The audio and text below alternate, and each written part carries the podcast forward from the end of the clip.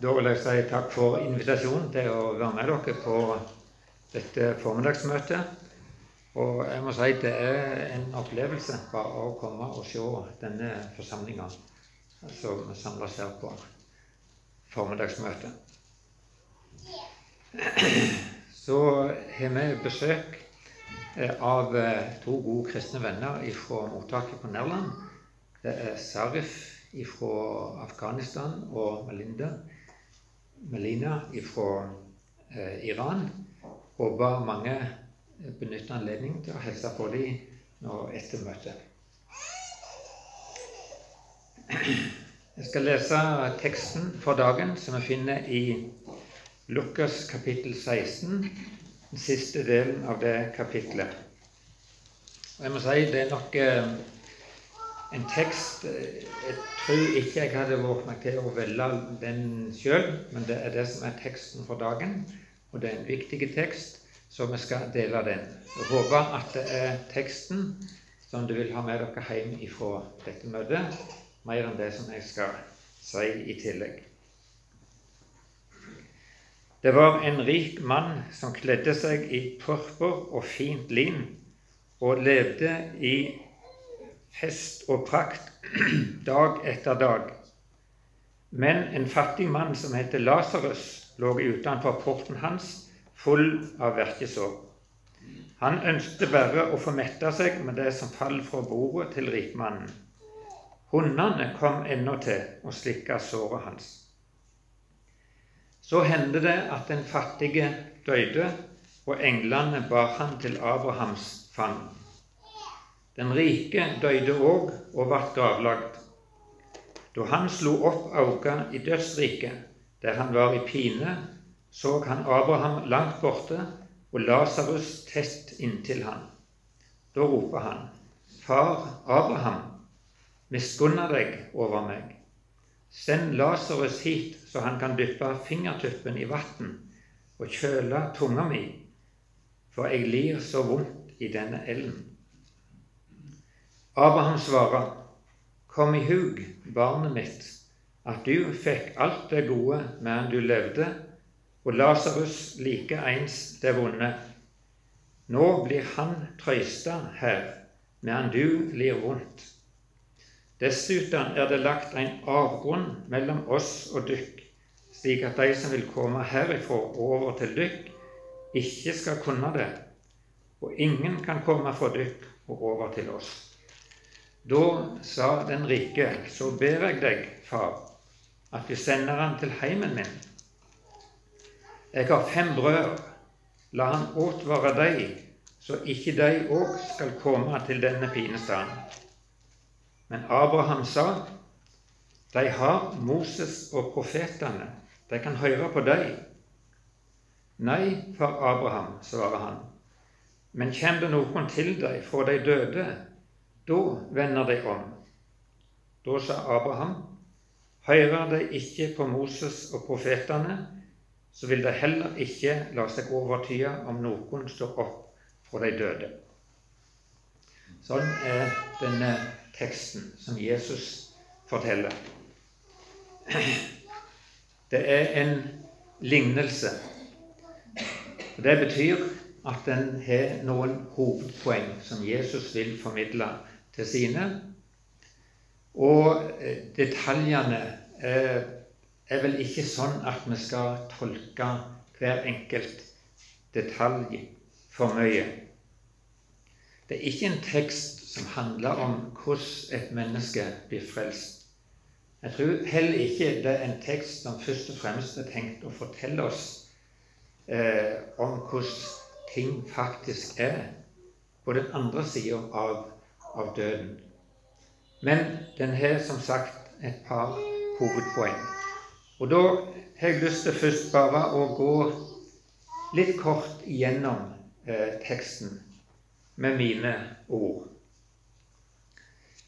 Vi får et bilde av en av de største menneskelige kontrastene som vel kan tenkes. En rik mann han hadde dyre luksusklær, purpur og fint lin. Takk skal du ha, Jone. Håper halsen heller. Jeg var litt grudgen. Han hadde nok av mat. Han var rik. Han levde i dette dag etter dag, står det. Han var innenfor en port. Sikkert et flott hus.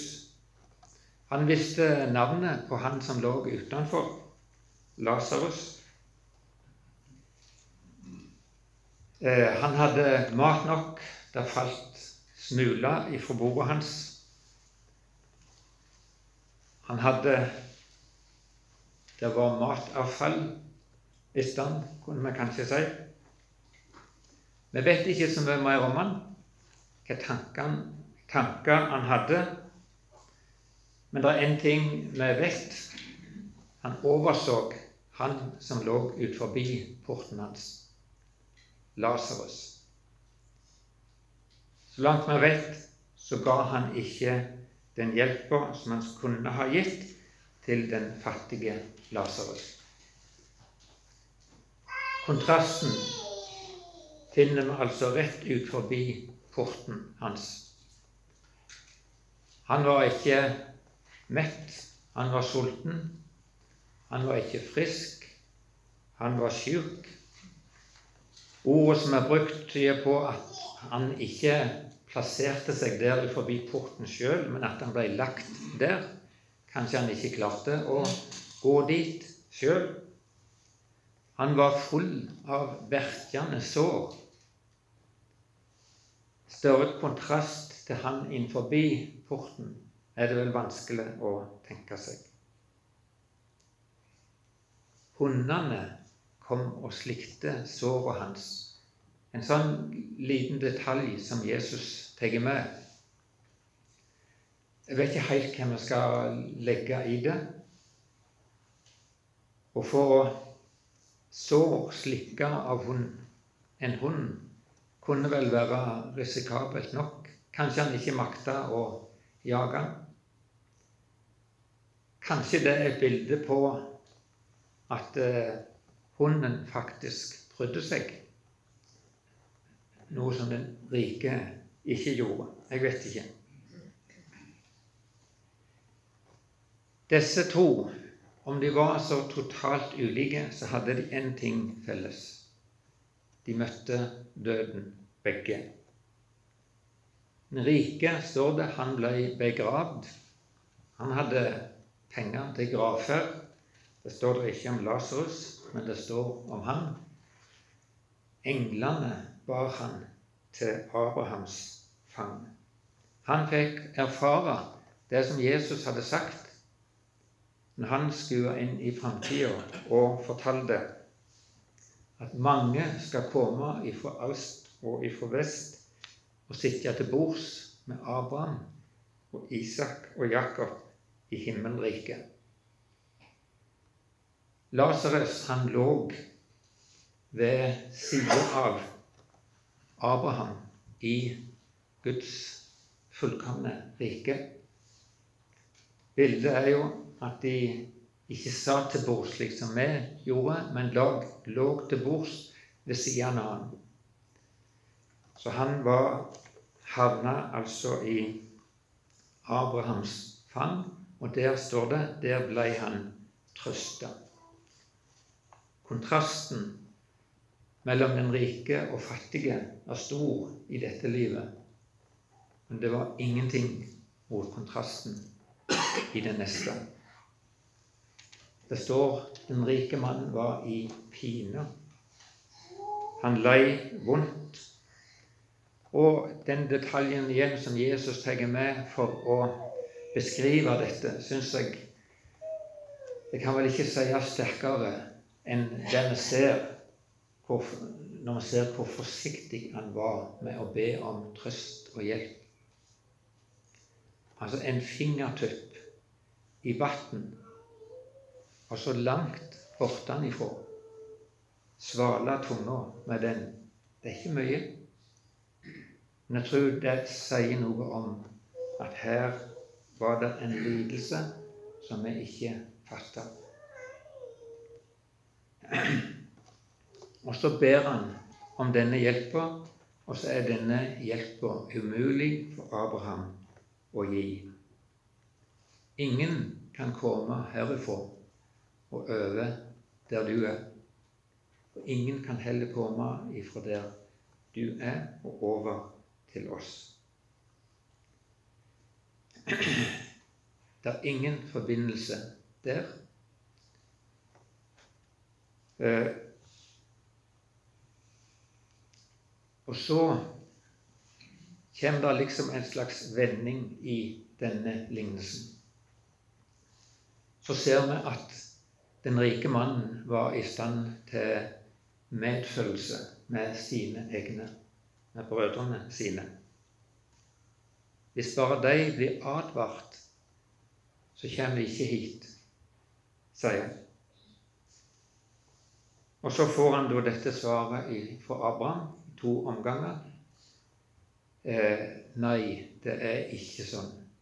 Det er ikke sånn at eh, om ennå til en kom tilbake ifra de døde, at de da ville tro mer enn de tror når de hører lova og profetene, Moses og profetene, som det står her. Det er ingen under og tegn som overbeviser, advarer, sånn at de, noen vender om. Rike mann visste det, at det var det som måtte til. Send Lasarus, sånn at de vender om. Det hadde ikke han gjort. Det hadde ikke brødrene gjort. Vi kan bare tenke på alle de som så nettopp dette i Jesus sitt liv. De så døde som sto opp. De så under og tegn. Men de aller fleste av dem trodde ikke likevel. Det var bare den ene tingen som kunne gi tro. Det var å ta imot ordet. Moses og profetene. Jesus har nettopp sagt ikke en eneste prikk i denne lova dette ordet skal forgå. Det ordet har de. Det første poenget som jeg tror Jesus vil si med dette, det har med rikdom å gjøre. Det skal vi stoppe litt for. Det står like før denne teksten at Jesus han sier dette til fariseerne, pengekjære som de var. Og så sa han til deg Det står mye om eller Lukas har med mye om det som Jesus talte om rikdom. I kapittel 12 forteller han om den rike bonden. Det var en som kom til han for å få hjelp til å få sin del av arven. Vil at Jesus skulle hjelpe ham med det. Dette er en så uvanlig problemstilling. Eh, dette med at dele arven ikke alltid er like lett for noen. Jeg husker mor, selv om ikke hun var de som hadde mest. Eh, det var én ting hun var opptatt av Eh, til den siste tida. Det sa hun igjen og igjen. Du må ikke begynne å krangle etter egen far. Men Jesus han gir ikke denne mannen hjelp. Han tvert, gir de tvert imot en advarsel og sier ta dere i vare for lysta til alltid å eie mer. Ta dere i vare for lysta til alltid å eie mer. Denne rike bonden han ble avkrevd sin sjel. Og Så står det slik går det med den som samler skatter til seg sjøl og ikke er rik i Gud. Kapittelet før her så hører vi om den yngste sønnen som fikk sin del av armen og brukte den opp. Tidligere i dette kapittelet hører vi om han forvalteren som var klok og brukte pengene på en god måte. Og I kapittel 18 så hører vi om en rik rådsmedlem som kommer og spør Jesus hva han skal gjøre for å arve evig liv. Selg alt, gi det til de fattige, sier Jesus. Og han var svært rik, står det, og gikk sorgfull bort. Hvorfor gir Jesus denne advarselen? Ta dykk i vare for lysta til alltid å eie mer. Jo, det er enkelt. Denne lysta kan komme i veien for et rett forhold til Han, til Jesus og til vår neste. Det står overraskende mye om akkurat dette temaet i Bibelen. Jeg skal lese bare ifra 5. Mosebok, kapittel 8. Der sier Gud, ta deg i vare samme advarselen som Jesus kommer. Ta deg i vare, så du ikke glemmer Herren din Gud, og let være å holde boa og lovene og forskriften Hans, som jeg i dag byr deg å holde. Når du et og blir mett, når du bygger deg fine hus og får bo i dem, når storfe og småfe ditt øker, når du får mengder av gull og sølv og eiendommene dine vekst, Ta deg da i vare, så du ikke blir håndmodig og glemmer Herren din Gud, som førte deg ut fra slavehuset. Selv om det er ikke så mange av oss som er bønder, tror jeg noe av det som står her, kan passe godt på de fleste av oss. I øynene til det store flertallet her i verden så er vi rike, sånn som det blir beskrevet her. Den rikdommen må ikke få så stor plass for oss at det tar plassen for Jesus. Det advarer Jesus veldig tydelig imot. Paulus han skriver flere ganger om dette med lysten til alltid å eie mer. Det er sett i sammenheng med all slags umoral, all slags urett og eiesyke. Det er avgudsdyrking. Av de eiesyke skal ikke arve Guds rike. Den rike mannen jeg har lest om i dag, han var sånn. Lasarus, derimot, han fikk arve Guds rike. Jeg plasserer meg sjøl blant disse rike som har fått en uendelighet av velsignelse og rikdommer materielt sett av Gud. Hva er det jeg setter min lit til? Hva som, hva som gir meg min trygghet, har jeg tenkt. Er det bankkontoen, pensjonen, gode forsikringer? Eller gjør jeg sånn som Jesus lærer? Se på fuglene, på liljene, og stol på meg. Det sier Gud. Det er det som skulle være først. Eh, var det ikke for et par dager siden det var en på Sandnes som vant 26 millioner i et eller annet lotteri. Eh, og jeg ser jo stadig disse annonsene som dukker opp om hvor mye millioner det er mulig å vinne. Hvorfor er det så mange som bruker pengene på sånt og gir eh, mulighet for sånne gevinster. Er det ikke nettopp det som Jesus advarer imot? Lysten til alltid å eie mer. Jeg har tenkt Jeg som er så rik, er det noen ut forbi min port som jeg ikke ser. Både i går og fredag på Coop så møtte jeg han fra romfolket som selger magasinet sitt. Ikke så sjelden treffer jeg en av de som selger asfalt.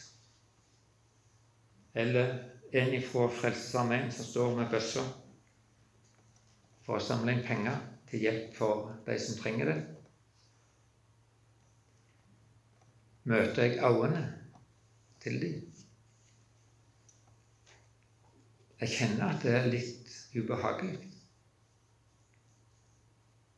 Det letteste er å gå forbi. Jeg tror ikke det er mange som har gått forbi så mange tiggere som det jeg har gjort.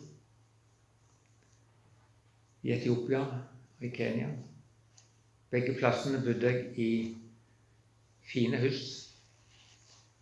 med solide porter med vakt i porten, bl.a. sånn at tiggerne ikke skulle komme inn.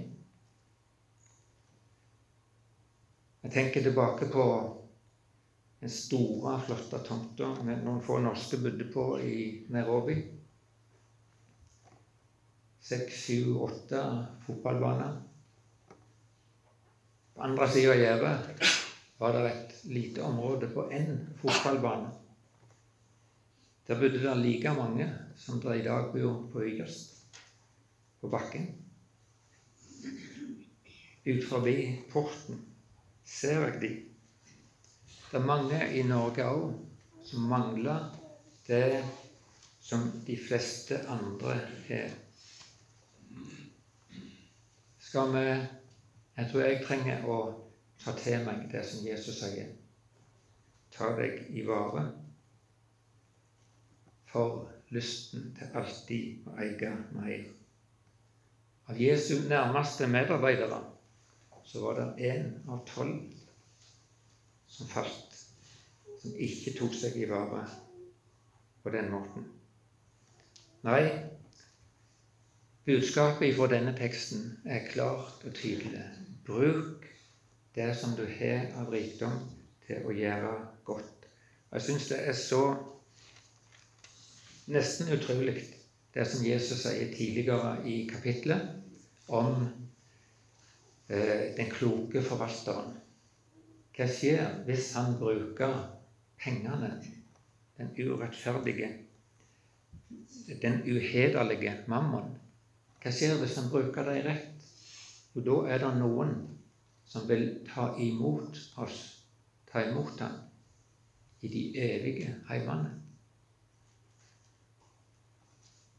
Hva er mer verdt enn det for oss? Tenk om jeg kunne oppleve det. At, at en tok imot meg fordi jeg hadde brukt litt penger for at han skulle få høre om å ta imot Jesus. Å leve i fest og herlighet og glede i dette livet dag for dag er ingenting å regne imot det.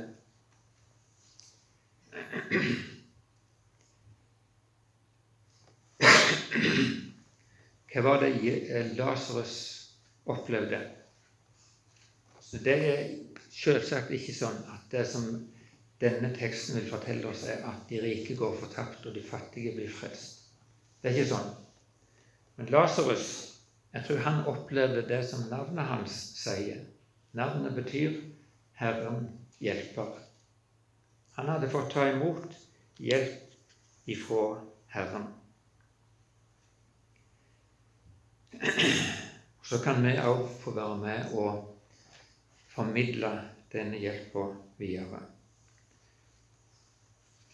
Jeg ser klokka går, men jeg må få ta med det som er det store alvoret i teksten.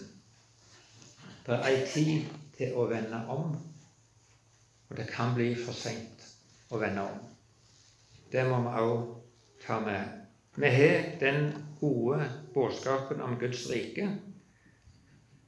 Vi har forkynt ifra døperen Johannes, sier Jesus tidligere i dette samme kapitlet. Det er Jesus, han som forteller denne lignelsen, som kom med dette Guds rike, og som forkynner 'Vend om, for himmelriket er nær'. Så er det noen som er utenfor denne himmelriksporten, og noen innenfor. Det er ikke andre utganger av dette livet. Vend om i tide. En dag er det for seint. Det er ordet om Jesus som er redningen. Og Det skal vi ta med til slutt. Ordet om Jesus. Hva forteller dette ordet om han? Han ga avkall på sin rett. Han forlot sin herligdom. Han uttømte seg sjøl.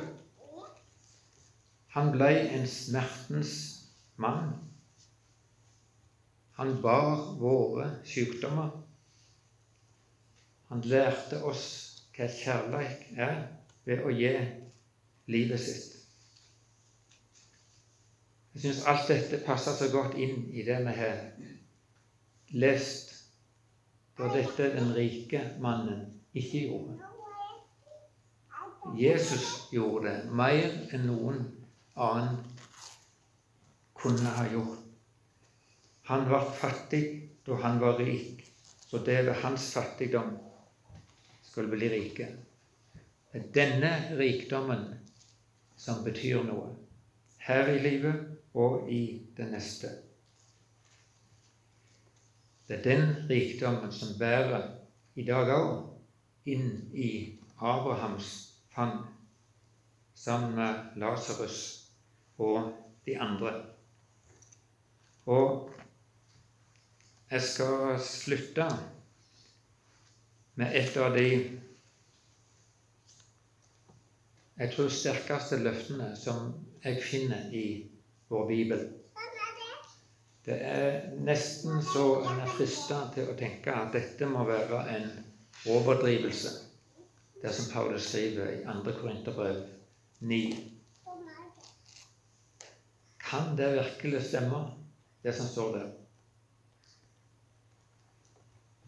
Og det vi skal ta med, er at dette skriver Paulus faktisk midt i en kollekttale. Han skriver om ikke å så sparsomt, men så med velsigning. Være en sånn glad giver som Gud elsker. Og så sier han Hvorfor skal vi dele vår jordiske rikdom på denne måten? Jo, fordi Gud er mektig til å gi dykk alle gaver i rikt mål, så det alltid og i alle høve skal ha alt det trenger, ja, overflod til all god gjerning. La oss be. Himmelske Far, takker deg for at du har gjort oss så rike og velsignet oss så rikt på alle vis. Hjelp oss til å se at vi ikke har noen ting som vi ikke har fått. At alt det vi eier, hører deg til. Gi oss å forvalte det rett. Amen.